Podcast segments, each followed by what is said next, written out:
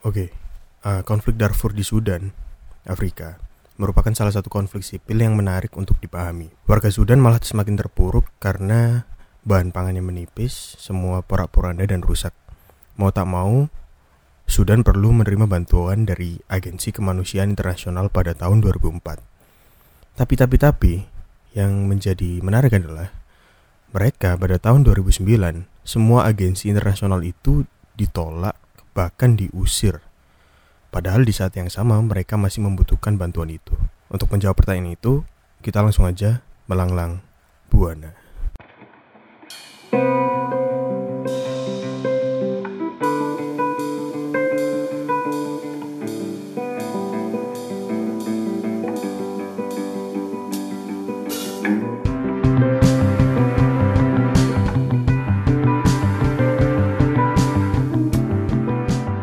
Oke, assalamualaikum warahmatullahi wabarakatuh. Uh, selamat pagi, siang, sore, malam. Uh, kembali lagi sama Bima Nitya di sini di Melanglang Buana. Dan seperti biasa kita akan bahas tentang skripsi atau tugas akhir dari seseorang. Dan tentunya nggak sendirian, sekarang sama Mustika Ayuningrum. Halo Mus, apa kabar? Baik Bim. Kurang deket. Baik Bim. Iya. Oke, Mustika ini adalah S1 Hubungan Internasional Erlangga ya, Mus? Iya. Angkatan berapa, Mus? 2014. 2014. Dan barusan berarti barusan lulus September ini ya? Iya. Oke. Dan ya udah langsung aja kita bahas tentang skripsi atau tugas akhirnya Mustika ya. Mustika ini punya judul peran karakteristik kepemimp- kepemimpinan terhadap perubahan kebijakan luar negeri Sudan. Penolakan dan pengusiran agensi kemanusiaan asing tahun 2009 pada konflik Darfur. Panjang ya? Iya. tapi tapi kalau kalau kita lihat ke- di sini sebenarnya karakteristik kepemimpinan itu mempengaruhi perubahan kebijakan luar negeri Iya. dan ternyata ke- perubahannya itu penolakan dan pengusiran agensi kemanusiaan asing tahun dua- 2009 di Darfur. Darfur. Oke.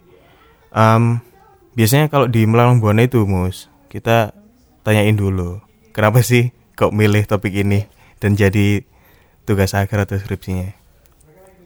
Eh, sebenarnya eh, milih topik ini karena kalau nggak salah tahun lalu ya aku tuh nonton sebuah film. Nah, film ini tuh berlatar belakang berla- berlatar belakangkan eh, sebuah kayak isu kemanusiaan di Hmm. Afrika, tapi waktu itu eh, isu kemanusiaannya itu berupa kayak eh, komersialisasi obat obat-obatan yang harusnya waktu itu dijadikan bahan-bahan yang harusnya di eh, dijadikan bantuan kemanusiaan di Afrika, tapi obat itu malah harganya harganya eh, harganya malah di apa ya semacam dikomersilkan gitu loh karena Heeh. karena eh, itu kan emang meraup keuntungan eh, para perusahaan obat itu sendiri ya Heeh. Gak apa, gak apa, gak apa, gak apa. Untuk untuk untuk meraup keuntungan. ya untuk meraup keuntungan pokoknya intinya untuk dikomersilkan gitu loh obatnya Eh, biar eh, lebih profit kan Ya. dari film itu tuh kayak filmnya tuh menurutku keren ya karena dia based on true story Nah, awalnya jadi skripsiku itu bim nggak soal Iya. ini soal itu Oh, soal soalnya obat-obatan tentang itu. tentang obatan itu. Tapi- Kau boleh tahu filmnya apa judulnya? aduh aku lupa nanti aku cariin ya Oh iya iya. aku oke. lupa banget judulnya Oke, nanti akan kita tulis di deskripsi Iya, ya. iya. Filmnya Juga, apa? mm. Nah, terus di situ tuh eh, pemeran utamanya itu adalah seorang agen PBB.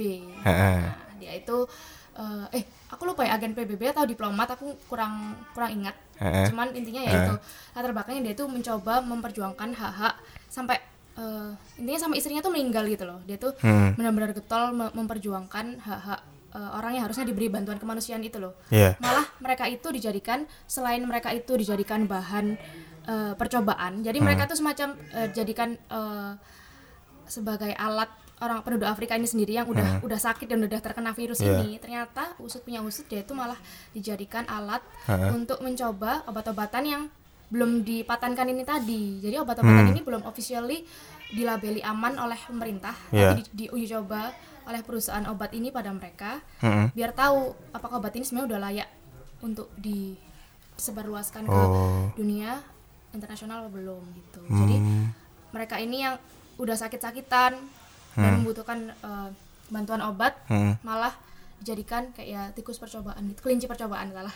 Tapi bukan buat buat orang-orang yang ada di Afrika itu. Mm-mm. buat orang kan nggak mereka nggak tahu apa-apa kan Iya, nggak tahu apa-apa sih, tahu iya, apa-apa iya. dan cuman kalau dikasih bantuan kemanusiaan pasti tinggal menerima Pasti tinggal gitu kan, menerima, oke, oke. mengeta- coba mengetahui Nah, gitu. berarti awalnya tentang itu awalnya tentang itu, Awalnya tapi ternyata itu. ternyata eh, memilih studi kasus yang berbeda kan sebenarnya. karena ketika mengajukan studi kasus itu Haha. emang eh, waktu itu salah satu dosen pembimbingku itu tertarik tapi tapi bilang kalau itu udah ternyata udah banyak yang meneliti Oke. karena ternyata kesimpulannya hampir semua hampir semua perusahaan obat itu kayak gitu Hmm. perusahaan farmasi itu kayak gitu pasti di balik itu ya pasti mereka mencari keuntungan gitu loh jadi Oh. kayak itu tuh ternyata udah lumrah gitu prakteknya Oke, oke. Nah, tapi lah berarti kita bisa langsung ngobrolin tentang apa yang ditulis Mustika. Jadi sebenarnya latar belakangnya itu kayak gimana sih di konflik Darfur? Nah, karena aku tertarik ke isu tentang kemanusiaan Ha-ha, ha. isu tentang kemanusiaan Ha. eh, jadi waktu itu di Dar- aku nemu soal isu di Darfur ini karena karena cukup ramai diperbincangkan ya Ha-ha. eh, di eh, kajian kemanusiaan. Nah, dia itu yang unik dari kasus ini adalah dia itu eh, diberi bantuan kemanusiaan Mm-mm. dan dia sempat menerimanya Mm-mm. beberapa tahun, Mm-mm. tapi kemudian sama dia ditolak dan diusir, Oke. ditolak atau diusir gitu ya. Ya. Nah, padahal dia tuh eh, hampir 80% kehidupannya, sumber kehidupannya dari bantuan kemanusiaan itu gitu loh masyarakatnya. Mm-mm. Tapi dia malah eh, tapi dia malah menolak dan mengusirnya. Nah, kalau di kebanyakan kasus lain yang menolak bantuan kemanusiaan itu tuh kalau emang menolak ya dari awal em- emang dari dia udah di- dikasih barrier untuk emang em- emang untuk menolak gitu loh. Tapi tapi di kasus Darfur ini yang unik dia setelah menerima beberapa tahun baru ditolak gitu. Jadi nyari eh, kayak kenapa gitu kan. Setelah sempat diterima terus ditolak. Terus akhirnya ditolak. Iya ditolak. Oke, Padahal oke. dia ya masyarakatnya benar-benar bergantung sama itu. Sama sama sama agensi kemanusiaan ini. Oke, oke. Jadi sebenarnya itu latar belakang intinya dari kenapa kok akhirnya eh, Mustika itu membahas ini gitu kan. Sebenarnya dari berangkat dari film itu tadi, akhirnya kemanusiaan di Iya, Darfur yang, ini yang aku benar-benar kayak fokus sama isu kemanusiaan. Iya, iya. Nah, Oke oke. Berarti uh, pertanyaan pertanyaan yang menjadi penelitian Mustika itu bisa dikalimatkan kayak berarti kenapa di Sudan, Darfur kan di negara Sudan, kenapa Sudan itu mengusir atau menolak agensi asing, agensi kemanusiaan asing tetapi sedangkan di saat yang sama membutuhkan penduduk, itu. Hmm. penduduk di sana itu membutuhkan itu gitu loh. Iya iya benar. Jadi sebenarnya kayak gitu Benar, ya. benar. Intinya kayak itu. Oke. Eh, kalau misalnya kita udah tahu nih eh, bahasan yang akan kita bahas sekarang, berarti untuk untuk menjawab pertanyaan itu, Mus. Sebenarnya berarti ada kacamata dong, ada pendekatan Iya. lah istilahnya. Untuk menjawab pertanyaan itu. Nah, kacamata yang dipakai itu apa? Eh, aku dari sini awalnya eh, nyoba dari berbagai nggak nyoba berbagai teori sih kan aku pasti ngelakuin semacam eh, studi literatur kan. Ya. nah heeh, dari studi literatur yang tak laku yang aku lakukan ya. itu tuh emang nggak banyak kasus yang men- penolakan bantuan kemanusiaan. Tapi emang Ya. udah lumrah dibicarakan dalam ranah hubungan internasional kan penolakan bantuan kemanusiaan. Nah tap- em- dan banyak teori cukup banyak teori-teori yang eh, membahas hal itu gitu mengkaji.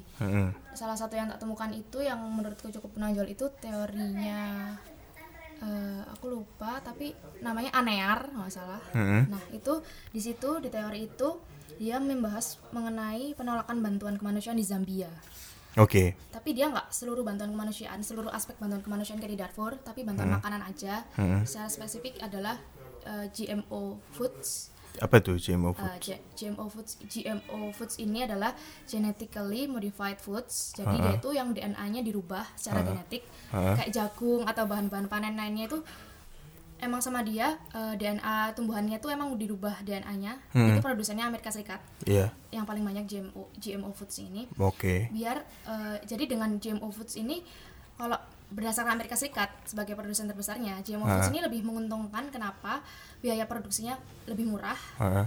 eh, dan perawatannya mereka mengklaim lebih mudah Heeh.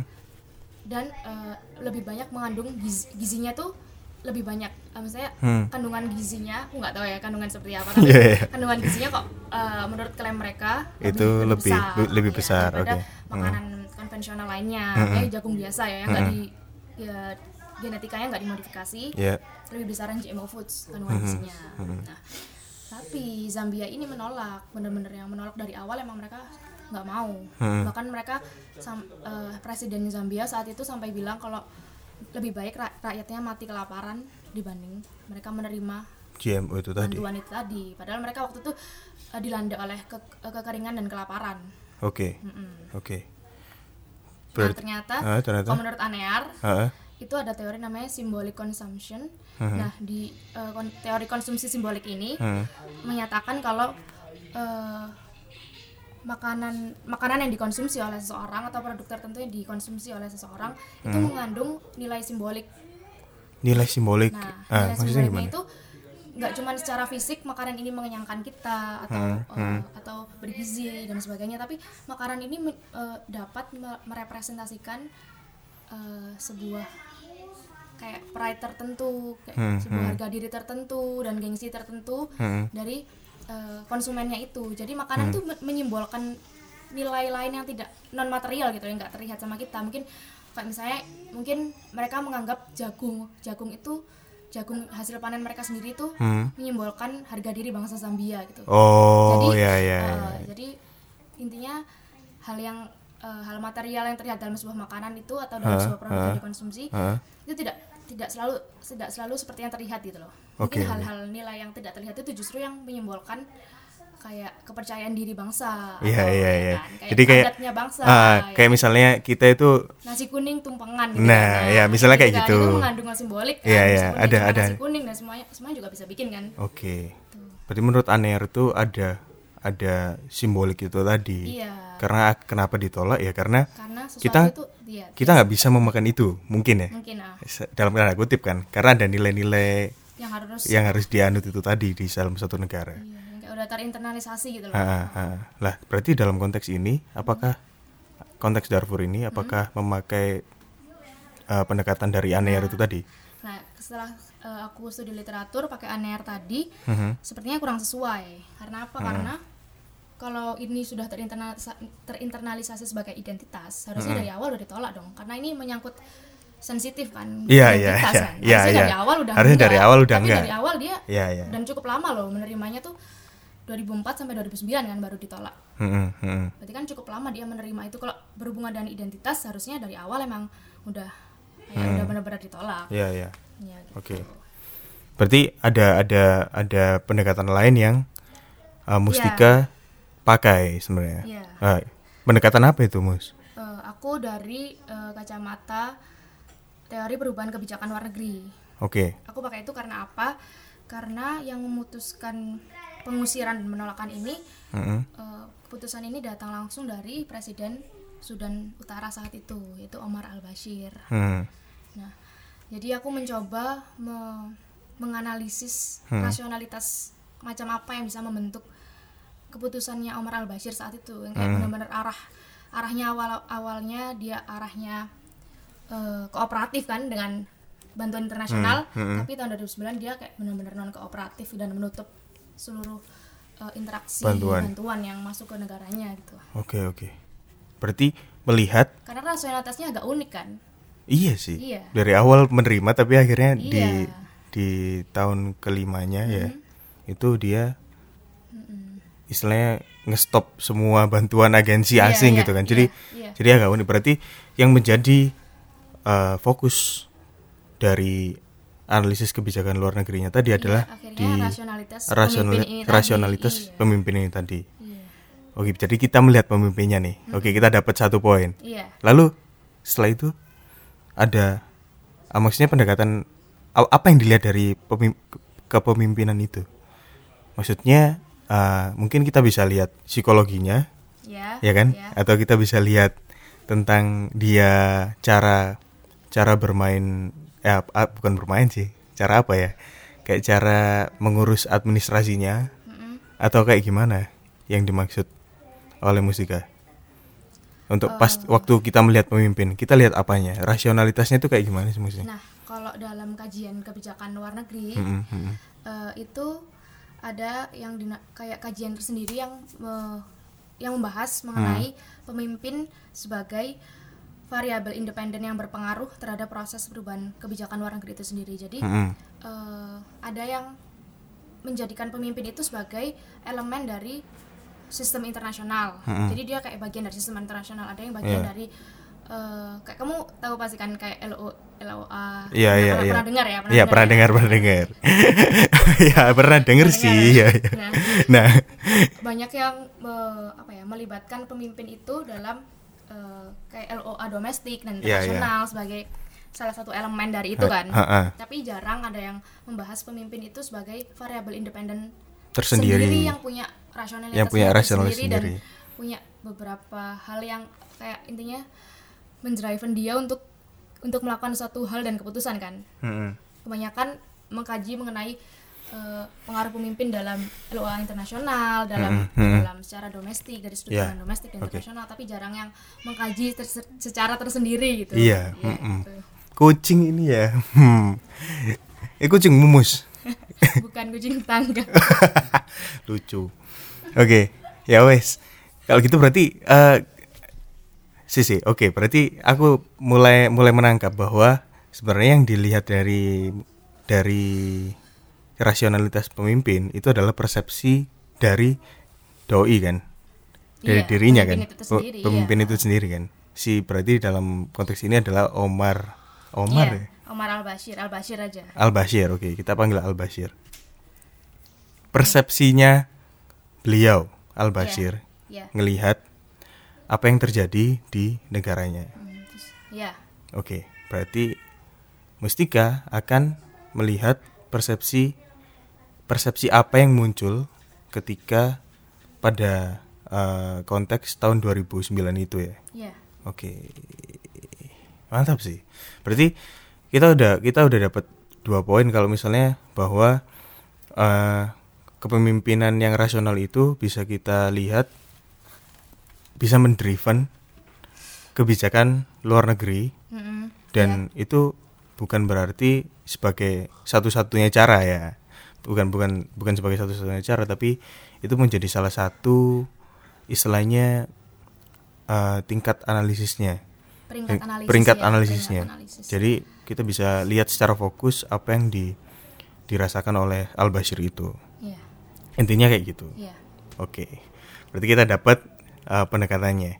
Nah, mungkin bisa diceritain ke teman-teman kalau misalnya baga- gimana sih awal mula uh, dari konflik di Sudan ini. Awal mulanya itu kayak gimana? Jadi balik ke awal lagi Iya, ya. heeh. Eh, jadi lebih fokus ke Darfurnya ya wilayah Darfurnya di Sudan Utara. Di situ emang seperti yang kita tahu kalau di wilayah Afrika itu emang banyak banget sebenarnya konflik-konflik Iya. sipil ya kan Iya, yang iya. entah memperebutkan sumber daya, Mm-mm. memperebutkan sumber daya atau eh, konflik lainnya yang sebenarnya dilatar belakangi oleh campur tangan pemerintah itu sendiri ya, Iya. rezim otoritarian dari pemerintah itu sendiri. Nah, kalau di Darfur nggak beda jauh masalahnya. Tentunya juga ada keterlibatan eh, perebutan sumber daya juga antar suku, Mm-mm. antar suku. Jadi ada di daerah Darfur itu ada suku yang kayak dibagi menjadi dua ya secara garis besar. Mm-mm. Etnis Arab dan non Arab. Mm-mm. Nah, yang etnis Arab ini kayak eh, semacam lebih di apa ya? Sama pemerintah itu mereka lebih diberikan privilege kalau menurut ini berdasarkan Etnis Arab. versi Hmm. etnis non Arab ya. Oh, non Arab. Ya, Yang diberikan privilege ini yang etnis Arab. Etnis Arab kan Iya, yang privilege. Arab. Oke, Nah, ha. Yang etnis non Arab ini yang suku asli Afrika Ha. Eh, ada empat kalau nggak salah aku lupa. Mhm. Itu mereka mm, merasa kalau mereka ini kurang didengarkan gitu suaranya oleh pemerintah Oke. yang didengarkan itu cuma etnis Arab dan mereka merasa kurang diberi lapangan pekerjaan yang sesuai yang intinya pemerintah itu benar-benar diskriminatif gitu loh Heeh. nah kemudian lahirlah eh, dua kelompok insurgensi kelompok pemberontak Eh, Memberontak terhadap Pemerintah tadi, ini iya, tadi? marginalisasi dan diskriminasi Oke, oleh oke. pemerintah ini Iya, tadi iya, iya. nah eh, namanya eh, Sudan Sudan Liberation Army SLA Heeh. sama eh, JEM JM itu apa? Hmm, apa ya pokoknya apa sih aku lupa bentar ya Jaringan Kontak.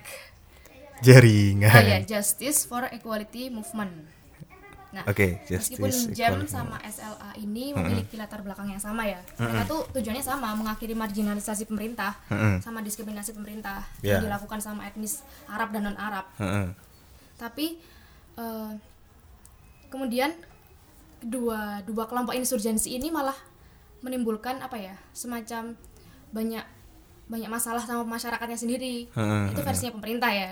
Oke. jadi pemerintah itu untuk me, me- apa ya menanggulangi menangani kelompok-kelompok pemberontak ini mereka menerjunkan sebuah eh, sebuah kelompok militer namanya Janjawid Itu dari pemerintah. Iya, semacam counter insurgensi lah. Hmm. Nah, counter insurgensi ini malah berbuntut panjang karena malah semakin apa ya? meningkatkan es semakin menimbulkan eskalasi konflik lah. Hmm. Semakin menimbulkan eskalasi malah Hmm. masyarakatnya tuh kayak eh, banyak yang kekuasaan yang diberikan oleh pemerintah kepada kelompok Janjawid ini Hmm. eh, kelompok Janjawid ini Heeh. kayak semacam disalahgunakan gitu sama kelompok ini. Iya. Mereka tuh merampas eh, harta benda miliknya Ha. ini penduduk, Menjarah-jarah gitu ya. Hmm. terus membakar ladang. Ya eh, ya tipikal lah kayak Hmm. misalnya mereka dikasih kekuasaan tapi mereka menyalahgunakan dan Iya, iya, untuk iya. keuntungan mereka sendiri kan. Hmm, hmm. Terus banyak melakukan pembunuhan dan pemerkosaan dan sampai Hmm. ma- mayat-mayat itu eh, dari korban ini ditumpuk ditumpuk dan eh, ada suatu kasus di, di salah satu desa di Sudan di Darfur Ya. mayat-mayat ini ditumpuk lalu eh, dibuang ke salah satu sumur Ya. dan itu sampai menyumbat air Eh, Un- intinya Air benar-benar- untuk iya. untuk konsumsi Iya, itu tersumbat. itu benar-benar yang kayak ya Astaga, tragedi. pembantaian massal gitu loh Iya, kayak iya. benar-benar yang ini sebenarnya isu kemanusiaan yang perlu perlu diperhatikan Iya, iya. oleh komunitas internasional tapi tapi banyak apa ya karena apa ya menurut mungkin menurut komunitas internasional hal ini udah biasa kali ya di Afrika ya jadi Iya, kayak iya, ya, ya udah gitu Jadi, kan ya udah mm, gitu. mm. Ya wes gitu ya. Bahkan ada banyak yang ah- para ahli eh, para ahli isu kemanusiaan yang menyebutnya sebagai salah satu kejahatan genosida kedua terbesar setelah Rwanda. Hmm. Oke. Gitu. Nah, ya udah. Jadi dengan dalih melakukan counter insurgency ini pemerintah malah makin Cuma malah menjadi-jadi ya ya. malah menjadi jadi konflik sipilnya. Oke, malah oke. kon- malah masyarakatnya tuh nggak dipedulikan gitu loh. Malah yang Hmm. dia pedulikan hanyalah untuk merestore kekuasaan dan kekuatannya dia gitu. Oke. Dengan menunjukkan kalau ini loh, aku tuh masih Masih ada gitu masih kan. eksis gitu loh Iya, ya iya, kan. iya. Tuh. Oke sih. Oke, berarti menarik kalau misalnya kita ngelihat berarti kalau misalnya permasalahannya seperti itu kita bisa langsung melihat persepsi dari pemimpin itu tadi kan. Pemimpin pemimpin Al Bashir tadi. Iya, iya, Iya, kalau kalau kalau kepemimpinannya kita bisa lihat, mungkin kita akan bisa mengerti eh, bagaimana sebenarnya eh, akhirnya agensi agensi asing itu bisa bisa keluar. Iya. Maksudnya di, diusir tadi. Iya, iya. Nah, oke. Berarti kalau misalnya kita ngomongin agensi agensi asing yang masuk, agensi siapa aja sih sebenarnya yang bersedia membantu dan diterima oleh Al Bashir pada waktu itu? Pada awal-awal eh, masuknya agensi kemanusiaan asing ini, Mm-mm. sebenarnya emang dari awal Al Bashir ini nggak langsung membukakan pintu gitu loh Mm-mm. untuk agensi asing ini untuk masuk. Ya, Jadi dia tuh ingin merestore eh, keadaan stabilitas negaranya dulu dengan caranya sendiri. Mm-mm. Baru kalau udah menurut dia udah stabil, baru agensi-agensi itu boleh masuk. Mm-mm. Jadi emang awalnya dia ingin menangani itu dengan caranya sendiri dengan, dengan itu tadi counter Iya, insurgency yang counter malah insurgency. itu tadi yang malah yang malah semrawut gitu iya kan. malah menimbulkan eskalasi itu tadi Iya. ya udah eh, akhirnya eh, setelah setahun dari konflik itu awal konflik itu terjadi Iya. baru dia benar-benar yang secara ofisial mengumumkan kalau agensi kemanusiaan asing boleh bekerja sama dengan Sudan boleh bekerja sama dengan Darfur gitu Hmm. boleh masuk awalnya PBB awalnya Ya, emang- pasti PBB pasti ya. ya badan badan PBB ada WFP World Food Program terus eh, UNHCR Hmm, eh, hmm. siapa lagi? UNICEF ya ya UNICEF USAID Ah, USA ya Hmm. Hmm, terus banyak lagi sih tapi yang paling vokal itu deh Hmm. Dan intinya dia mulai membukakan pintu itu baru tahun 2004 kalau nggak salah 2004 awal. Hmm. itu secara ofisial dia benar-benar memproklamirkan kalau eh, emang nggak apa-apa agensi kemanusiaan asing itu untuk memasuki Sudan gitu. oke. Itu kalau menurut eh, pemahaman menurut pengamatanku Ha, itu karena komunitas internasional mulai menekan dia aja sih. Menekan dia nih siapa? Al Bashir? Iya, untuk kan awalnya dia emang agak-agak tertutup, Tertutup, kan sama itu tadi. Dia pengen dia nggak pengen ada yang intervensi, Intervensi kan mungkin ya, ya. karena dia nggak pengen semakin ruwet mungkin. Jadi Hmm. tapi setelah banyak tekan internasional kayak PBB itu kan mengadakan berbagai rapat forum internasional untuk membahas soal ini karena ini Ya. bisa jadi kejahatan genosida kan Hmm, hmm. karena banyak eh, rumor yang beredar kalau emang kelompok etnis non Arab kelompok etnis Arab ini ingin ini melakukan kejahatan genosida membersihkan apa suku asli Afrika gitu banyak ya. rumor seperti itu jadi mungkin PBB benar-benar mulai istilahnya menekan iya, menekan Al Bashir ya iya, mungkin itu langsung dia benar-benar membuka membuka negaranya untuk bekerja sama dengan iya, agensi agensi kemanusiaan. kemanusiaan. Oke, tapi yang menjadi fokus di sini kan adalah eh, bagaimana si Al Bashir itu akhirnya pertama menerima dan akhirnya mengusir tahun 2009. iya Nah, intinya kan di situ. iya Nah, untuk menganalisis itu kan berarti kita tadi kata-kata Mustika kita butuh rasionalitas pemimpin itu tadi kan Iya. dan persepsi individu, istilah individu dalam hal ini Al Bashir. iya Nah, persepsi apa yang di yang Hmm, dirasakan oleh dia menurut data-data yang diambil sama Mustika? kalau dari kerangka pemikiran itu tadi yang dalam eh, persepsi individu Heeh. sebagai agent of change dalam kebijakan, Kebijakan luar ini, negeri. ha. Aku juga kombinasiin ini sama eh, ada teori yang pernah dengar namanya window of opportunity nggak? Nggak tahu. Itu dalam Window ada, of opportunity. Jendela peluang. Iya, jendela peluang. ya. jendela peluang. Nah, Literally jendela peluang, tapi apa sebenarnya? teori ke, ke- perubahan kebijakan luar negeri Ha, window of opportunity ini ya sama sih momentum gitu semacam momentum yang diambil oleh pemerintah ha. untuk melakukan perubahan kebijakan Perubahan. gitu loh Oke. jadi kan karena tadi kan kita kan nyari kenapa kok dia nyari momentum itu empat tahun setelah dia Itu, menerima iya. gitu kan jadi kan eh, kita pengen tahu kenapa dia ngambil timing itu Ya, ya. nah dalam teori window of opportunity ini opportunity ini emang membahas soal itu kenapa pemerintah atau eh, Suatu negara gitu iya orang yang berpengaruh dalam pengambilan putusan itu mengambil timing tertentu Hmm. dalam masa ininya pemerintahannya untuk melancarkan mengeksekusi kebijakan terkait gitu loh. Hmm, hmm. Nah, eh, terus ini aku dari kerangka ini kan nyari dari momentum yang digunakan oleh Al Bashir kan. Mm-mm. Terus apa tadi yang kamu tanyain? Eh, persepsi apa yang di yang dirasain oleh si dia, si Al Bashir ini? Maksudnya kalau misalnya kita oke tadi kita bisa gabungkan dengan dengan Windows Windows of oppor- opportunity, iya.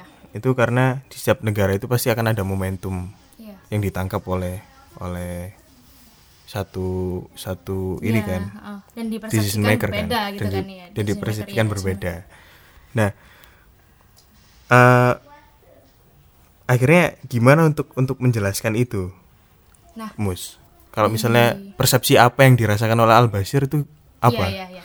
Nah, untuk memahami cara Berpikirnya ya, kita nggak dia, bisa ya. kan memahami secara Hmm. benar-benar kompleksitas pemikiran seseorang. Iya, heeh. Tapi secara apa ya? Secara general Hmm. kalau dalam eh, dalam kajian kebijakan luar negeri ada yang namanya leadership trait analysis Mhm. atau LTA.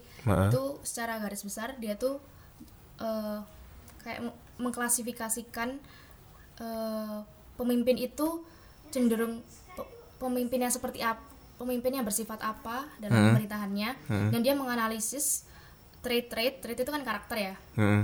karakter pemimpin itu dalam tujuh trait oke ya nah itu kayak gimana tuh Nah, nih, jadi LTA ini kurang lebih kayak eh, analisis kontekstual gitu loh. Jadi aku Analisis menganalisis menganalisis eh, pemimpin itu dari pernyataan-pernyataan resmi yang dia keluarkan di forum internasional Hmm. dari situ aja aku Hmm. uh, menganalisisnya Hmm. ini yang ngeluarin LTA ini adalah Herman Hmm. Uh, Margaret Herman kalau nggak salah karena Marga- Herman ini ada dua suami istri dan Oh, iya. dua-duanya itu pakar kebijakan luar negeri Suami istri pakar kebijakan Iya, luar negeri. jadi kalau Ya. bingung gitu kadang Herman Herman yang mana Herman yang mana ya? Oke oke. oke. Ya, nah dia meng- eh, mengklasifikasikan trade itu dalam eh, tujuh ini ya, tujuh trade. Hmm. Yang pertama, lah tujuh trade ini diklasifikasikan diklasifikasikan lagi bim, Hmm. jadi tiga bentuk. Ya. Yang pertama, Hmm. Jadi nggak nggak banyak banyak tujuh gitu, tapi iya, ada eh, ada ada kotakan tiga. Ah. Yang pertama dia mengklasifikasikan reaksi pemimpin terhadap batasan-batasan yang mengekangnya dalam lingkungan politiknya. Hmm. Yang pertama. Hmm. Terus nah yang Yang kedua, kedua. pemimpin pemimpin terhadap informasi-informasi kontekstual atau kayak keterbukaan pemimpin itu terhadap berbagai kritik yang muncul ke Oh, dia, iya, iya, iya. berbagai informasi yang muncul ke dia tuh hmm. kira-kira dia terbuka atau tertutup gitu sama Iya, iya. sama hal itu. Hmm. Hmm. Terus yang ketiga, yang ketiga itu adalah motivasi tindakan pemimpin. Jadi faktor yang kayak driving faktor yang Hmm. mempengaruhi tindakan pemimpin itu tersendiri itu sendiri gitu loh Bim. Hmm. Nah itu tadi. Jadi aku dari tiga hal itu, aku tuh dan, dan tiga hal itu, jadi masing-masing itu aku kasih contoh pernyataan yang dikeluarin oleh Al Bashir di forum PBB Iya. atau forum berita internasional lainnya. Hmm. Hmm.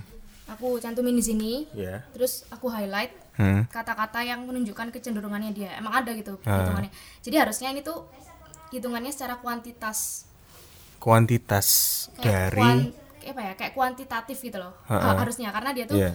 Herman ini sebenarnya merekomendasikan ini dihitung secara kuantitatif kenapa karena dia menghitung persentase dari oke. banyaknya Berapa banyak gitu berapa, ya? berapa banyak penulis ini eh penulis pemimpin, Pemimpin ini kata pernyataan yang- itu. iya kata Atau yang, kata yang istilahnya cenderung Iya kan uh, ada kan kata mengafirmasi atau ya, kontra, iya, ya iya, ya bener. ya. afirmasi atau kontra kayak gitu Iya iya iya iya. Oke nah oke. dari ini semua kesimpulannya intinya dari Hmm. bab dua ini Iya iya. Aku menyimpulkan kalau Al Bashir ini eh, merupakan pemimpin yang eh, cenderung dia tuh memandang tatanan politik internasional sebagai arena. Jadi dia tuh kayak semacam konfliktual ya orangnya ya. Dia tuh memandang Suka berkonflik gitu. iya dan dia kayak mudah terpicu oleh sesuatu gitu loh. Dia mudah memandang sesuatu sebagai ancaman. Oke. Iya. Make sense sih. Ya, Iya. make sense ya. Tatanan jadi dia, jadi dia tuh memandang tatanan politik politik internasional sebagai arena yang dipenuhi oleh pihak lawan Oke. gitu loh. Mm-mm. Dan dinilainya itu bersifat buruk karena lawan itu memiliki ambisi untuk melawan dia gitu kan, untuk memiliki ambisi untuk Ya ya. kontra sama dia gitu kan. Nah, jadi pemimpin dengan eh, trait dengan karakter yang seperti itu tuh pemimpin yang agresif ya Bim. Mm-mm, Dan dia tuh memiliki karakter kata- karakteristik need for power yang tinggi. Gitu. Hmm, hmm, tuh ingin mengejar kekuasaan. hmm. Gitu. Itu sih. Jadi dia tuh digolongkan sebagai pemimpin yang agresif dalam menjalankan pemerintahannya. Oke. Gitu. Bim. Jadi kalau misalnya kita ngelihat dari tipe kepemimpinan itu, Iya. akhirnya Al Basir itu uh, memiliki karakter yang istilahnya agresif tadi Agresif, ya, iya. yang yang disebutkan Mustika tadi. Soalnya ada satu lagi selain agresif tuh lawannya concili- conciliatory. Oke, Jadi dia kayak lebih apa ya? merangkul ya, Merangkul ya, merangkul ya. lebih merangkul Eh, berbagai berbagai elemen lah ya. Mm, kalau siapa pun agresif itu. kan ya lebih agresif lah dalam melakukan pemerintahannya. Nah, oh berarti mungkin dari situ akhirnya timbul. Tapi yang jadi yang jadi pertanyaanku sampai sekarang itu adalah Ya. kenapa awalnya diterima? Itu kan istilahnya dia kooperatif kan, maksudnya Iya, dia iya. yang ya ayo yuk yuk kita kita arah, ya iya, kerjasama yuk. Orientasinya dia benar-benar berubah. Tapi ini masih masih belum belum menjawab sih, belum, Belum, menjawab ya, pertanyaan kan itu ya. masih- Hmm, masih masih di Pengen tahu dia tipe seperti tipenya apa aja. seperti apa. Ternyata dia tipenya kayak gitu. gitu ya. Ya. Nah selanjutnya gimana tuh, Mas? Nah selanjutnya ini aku bahas lebih eh, apa ya runtut tapi sebenarnya nggak nuntut-nuntut banget karena dikritik sama waktu disuruh nguji ya jadi aku ini sih Ya, di ya, bab ya. tiga itu harusnya aku lebih kronologis gitu kan Ya, ya. tapi, Tapi ternyata kurang ya, kronologis gitu. mungkin mungkin di Melalang Buana bisa dikronologiskan biar Gitu ya. teman-teman tuh bisa bisa mengikuti dengan jelas. Gitu Gimana ya. ya? Jadi eh, awalnya Hmm, ya, hmm. itu tadi yang udah tak jelasin awalnya itu emang dia sebenarnya karena dia emang agresif dan dia itu need for powernya tinggi ya. Iya. Dia tuh benar-benar pengen mengatasi mengatasi semua hal itu dengan caranya sendiri gitu loh. Hmm, hmm, Jadi dia nggak mau melibatkan pihak asing gitu loh.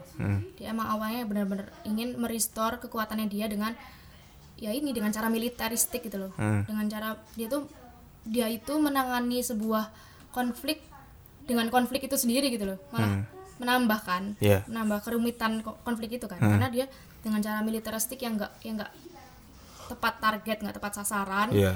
dia hmm, dia melawan dan dia kurang mempedulikan masyarakatnya kan dari Iya. awal dia udah ke- kelihatan banget kalau dia cuma ingin menunjukkan eksistensinya dia kan iya. dalam hal elit gitu Iya, dan iya. itu bisa dilihat kok Heeh. di bab tiga ini sambil tak eh, sambil aku sambungin Hmm. sama latar belakangnya dia yang dia tuh eh, jenderal militer kan Iya, iya. Nah, jadi dia emang caranya emang kayak gitu Hmm. caranya emang yang benar-benar militeristik dan menganggap itu kan hitam putih gitu kayak Hmm, bener-bener yang Hmm, hmm.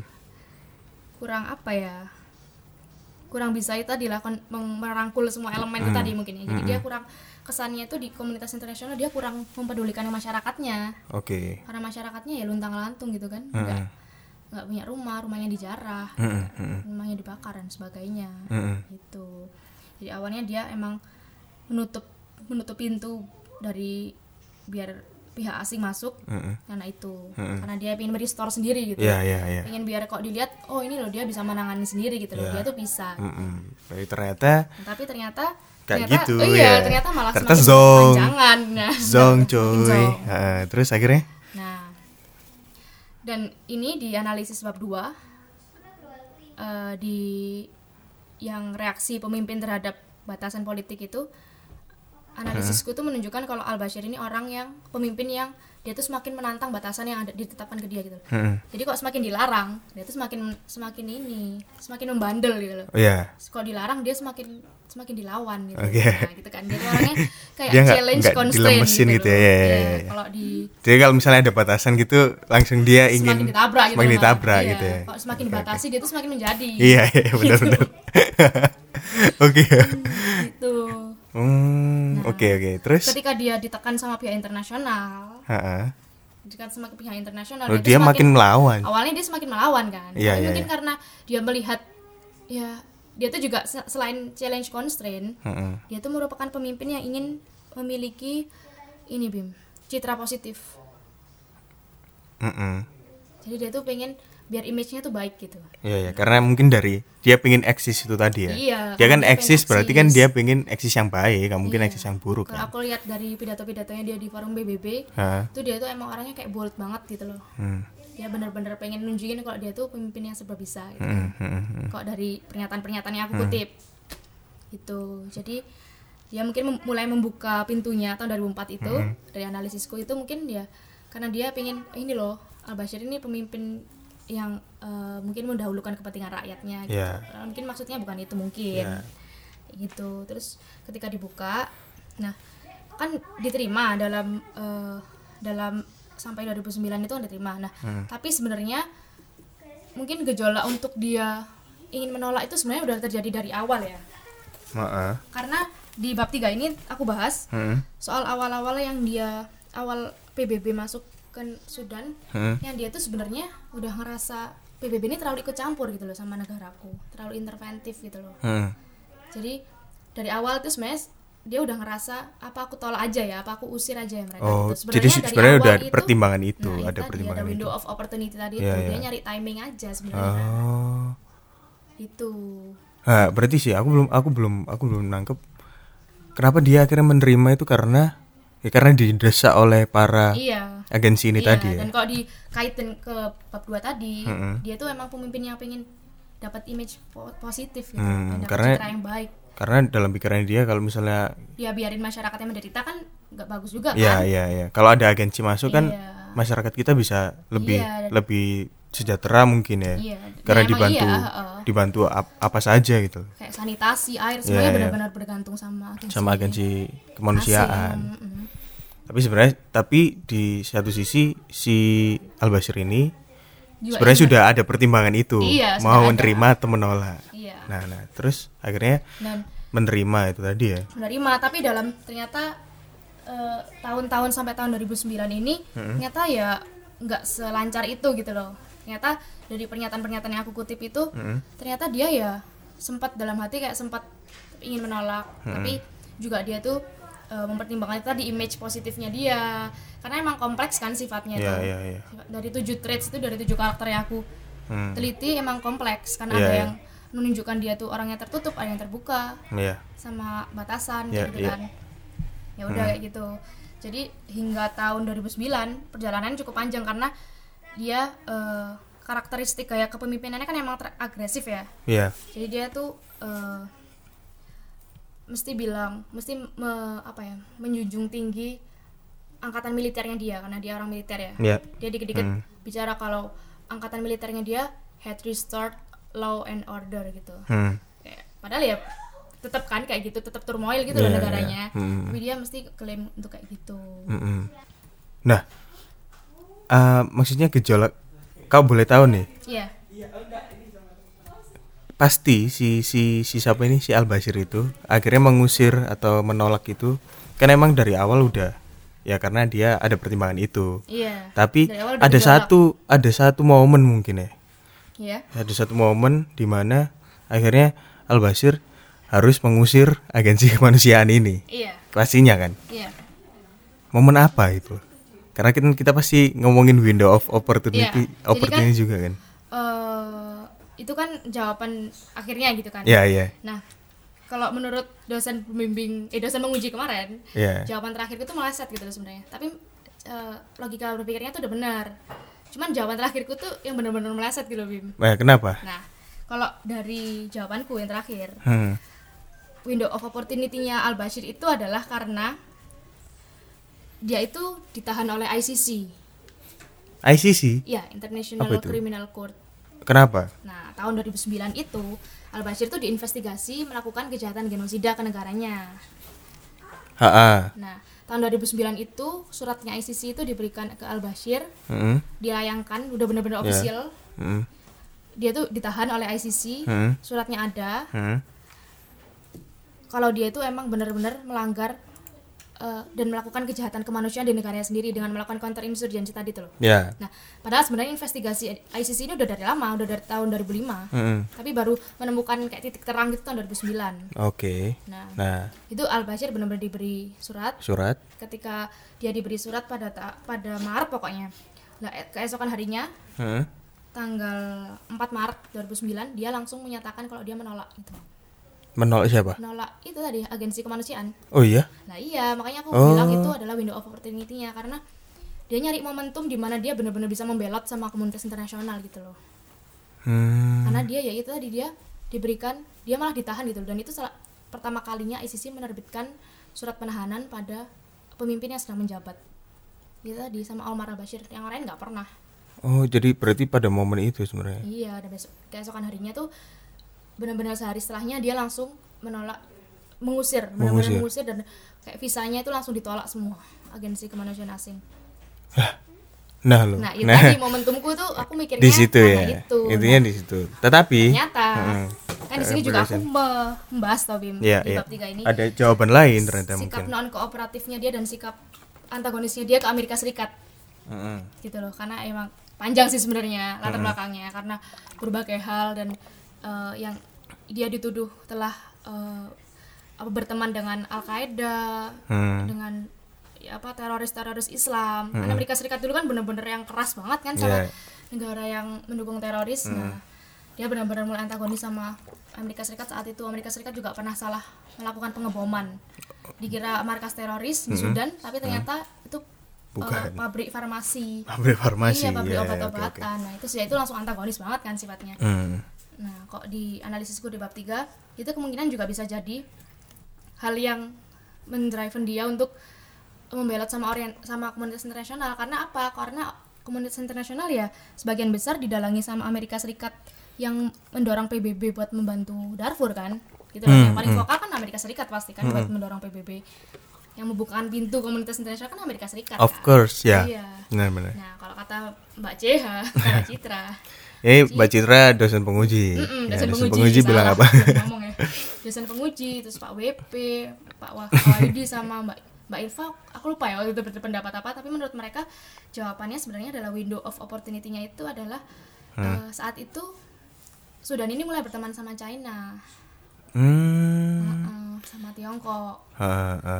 nah itu yang bikin dia karena dia berani dia berani bersikap bold dengan menantang semuanya kan Mm-mm. dia menolak karena apa karena dia ini dibantu sama China Digelontorkan Iya, duit. sama sama Tiongkok mulai Iya, di ini iya, iya. karena di bab tiga ini juga mulai dibahas ketika dia eh, sebenarnya dia tuh lebih suka sama ca- caranya China dalam mendamaikan negaranya dibandingkan Amerika Serikat yang terlalu interventif. dengan agensi-agensi Iya. yang lainnya itu. Eh, dia lebih kayak lama-lama pro ke China. Oke, gitu kan. Jadi ya, Oke, Mbak. Citra itu justru Menemukan titik itu terangnya. momentumnya gitu Oke, loh. oke, oke. bukan Ah, penerbitan surat bukan penerbitan penahanan ICC itu tadi. Iya, kok menurut kesimpulanku, Iya, iya. dia kan orangnya challenge constraint. Iya, iya.